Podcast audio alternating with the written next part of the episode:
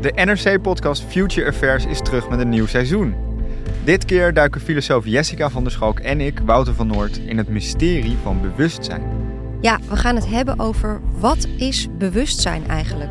Ik heb in de afgelopen jaren uh, veel onderzoek gedaan naar het brein. Uh, daar heb ik dat bewustzijn niet gevonden, dus ja, dan moet je verder gaan kijken. Het blauw zijn van de hemel, de geur van verse koffie, het gevoel van verliefdheid. Je kunt het onder woorden brengen, maar daarmee heb je nog niet aangegeven wat het is.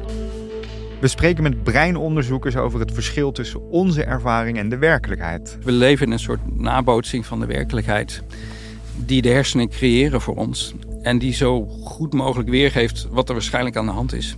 Zodat wij uh, erop kunnen handelen. We zoeken uit wat mystieke en psychedelische ervaringen over ons bewustzijn zeggen.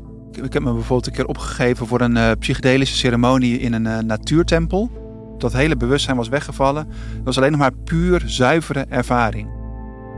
En waar vinden we het allemaal in de natuur?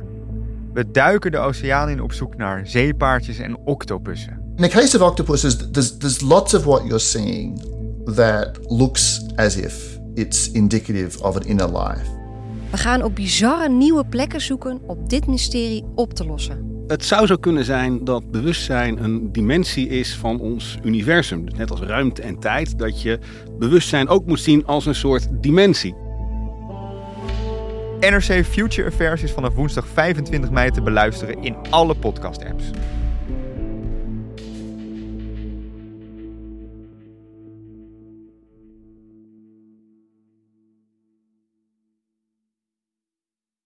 Technologie lijkt tegenwoordig het antwoord op iedere uitdaging.